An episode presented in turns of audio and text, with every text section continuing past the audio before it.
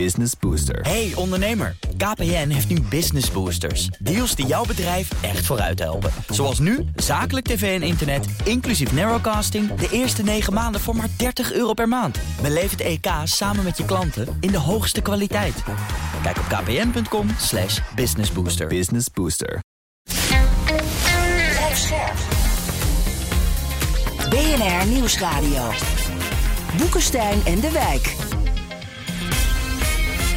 Hugo Reitsma. Dit is een extra uitzending van Boekenstein en de Wijk in verband met de oorlog in Oekraïne en de crisis met Rusland. Het is donderdag, dag 267 van de invasie en luisteraar Van Rijn vraagt ons als Rusland grondwettechnisch geen geannexeerd gebied mag opgeven, wat valt er dan voor Zelensky te halen aan de onderhandelingstafel? Behalve misschien de toezegging dat Rusland niet nog meer gebied zal annexeren of stopt met de bombardementen. Nou, wat een goede zeg vraag. het maar Dus even. het- Ja. Ja, daar is niet direct een antwoord op eh, te geven. Hmm. Ehm, het enige wat je kunt eh, bedenken is dat eh, de Russen daar een draai aan gaan geven. waardoor ze zich eronder uit eh, persen. Maar dat is echt een hele goede vraag. En dat is ook precies de reden waarom wij al die discussies hebben gehad over kernwapens. Want als je gebied gaat opgeven en je doet het onvrijwillig, dan is dat een reden volgens de, de doctrine, maar ook volgens de richtlijnen van, eh, Hmm. eh, van Poetin zelf om kernwapens in eh, te zetten. Dus het kan niet zomaar. Maar wat er nu gebeurd is, daarom zijn we hier ook zo verbaasd over. Nu is onvrijwillig ehm, gebied opgegeven, wat Ja. Russisch is, althans volgens Rusland. En dat heeft tot geen consequenties geleid. En daarom zijn we ook zo ongelooflijk verbaasd dat dat eigenlijk zonder slag of stoot is gebeurd. Ja. En, en, en dan moet je dus nu even kijken wat Poetin gezegd hier gezegd heeft over wat er nu gebeurd is in Gersel. En jullie weten wat er gezegd is door Poetin. Namelijk niks. nee, nee. Ja. nog steeds niet. Ja. En als we de vraag verbreden, jongens, het is wel een interessant onderwerp. Van, kijk, we hebben het verleden wel gezegd, dat er wordt een frozen conflict en zo. Hè? Maar we hebben er ook altijd bij gezegd van, ja, luister eens, eh, dan zal je ze wapens moeten blijven leveren. Want het gedonder begint dan gewoon op een gegeven moment weer. Hè? Dus in die zin, voor de Oekraïners moet je dus echt hopen dat die these, dat dus van de competentie en de corruptie zo erg toenemen dat ze ook dus in de Donbass eh, successen gaan halen. Want eigenlijk, er valt gewoon helemaal niks te onderhandelen met deze Russen. Het is gewoon verschrikkelijk, hè? Eh, Je zult het moeten doen als het natuurlijk jaren duurt, maar liever niet. Je moet ze eigenlijk toch echt eruit zien te gooien. Ja, En, en ook als je ze eruit Ja. gooit, moet je doorgaan met wapenleveranties. nou ja, die, die, die kans is natuurlijk door al dat geklungel en die incompetentie van eh, Rusland is natuurlijk nu wel groot ge- geworden. Eh, dat dat gaat gebeuren. En je zou je kunnen voorstellen dat op een gegeven ogenblik eh, de, de, de hogere legerleiding en de politiek in het Kremlin zegt van nou genoeg is genoeg, nu hebben we het wel gehad. We hebben nu eh Bakhmut, hebben we bijvoorbeeld onder controle gekregen. Dat moeten we eerst wel zien of dat gaat lukken. En eh, dat is dus een reden om nu de overwinning uit te, te, eh, eh, uit te roepen. Dan hebben ze de, de Krim, dan hebben ze een, deel van de Donbass, maar niet helemaal. En dan kun je zeggen van nou, we hebben nu eigenlijk alle doelstellingen bereikt. Dat is gewoon een leugen. Maar dat doet er allemaal niet toe. Hm. Dan geef je daar een draai aan.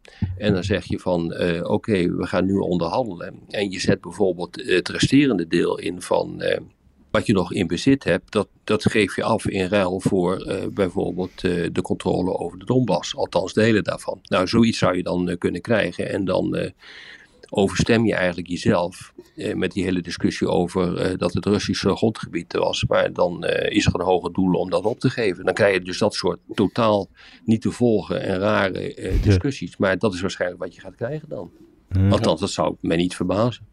Ik las een, een interessant interview in het Parool met een Nederlandse professor. Die zat in de VS en die had eh, onderzoek gedaan naar hoe conflicten eindigen.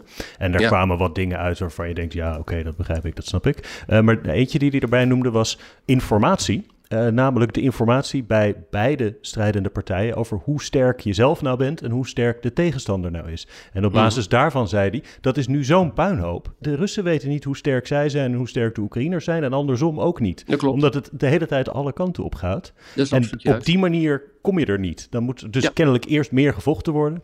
eh, totdat Rusland snapt, oké, het gaat echt niet. Of dat Oekraïne vastloopt in het tegenoffensief. Maar eh, nu weet niemand hoe sterk de tegenpartij is. Nee, dat klopt. En het heeft ook geen zin, en dat is het hele probleem. Uh, dat heb ik uh, feitelijk ook, uh, zeg maar in Litouwen heb ik dat gemerkt. Het is gewoon zinloos om ehm, sommige analyses te maken over bijvoorbeeld de krachtsverhoudingen. want als een van de partijen zich niet aan zijn eigen regels houdt, en dat doen de, de Russen niet, ehm, die houden zich niet aan hun eigen doctrines, zeg maar, aan hun eigen gevechtshandleidingen ja, dan kun je dus nooit een behoorlijke inschatting maken van hoe uh, die situatie uh, verder zal gaan uh, lopen. Want dan doe je namelijk dingen die zo stupide zijn, die passen gewoon niet in je analyse. Daar zit echt een groot probleem in op dit ogenblik. En bij de Oekraïners is het omgekeerde.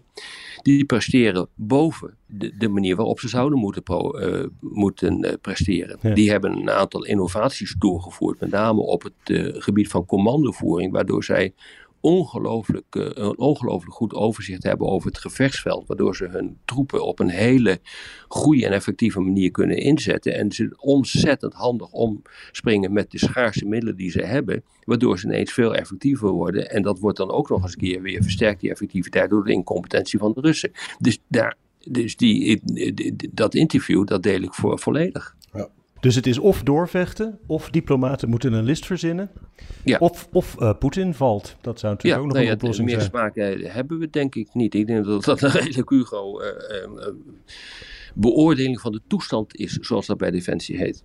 Ja, en wat Bachmoed betreft zeggen de experts nu van ja, het zal nu toch wel heel statisch weer worden, want ze, de Russen kunnen hun troepen concentreren. Maar daar staat dan tegenover het idee van ja, dat ze zo incompetent zijn en zo corrupt, dat ze daar misschien ook gaan verliezen.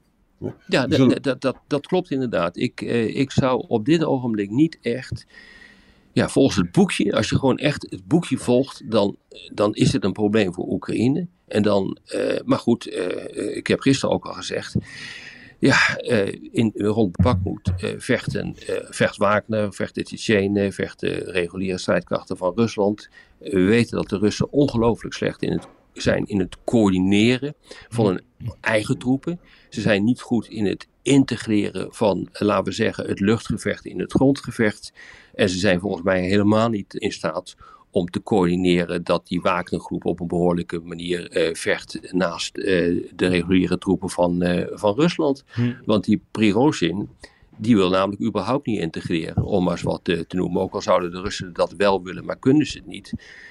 de baas van Wagner, eh, die heeft helemaal daar geen behoefte aan, want die vecht namelijk voor zichzelf daar. En ja, volgens mij geldt dat ook voor Kadyrov. Dus het is gewoon één grote chaos en het is een ongelooflijke zwakte voor Rusland bij Bakhmut. Absoluut.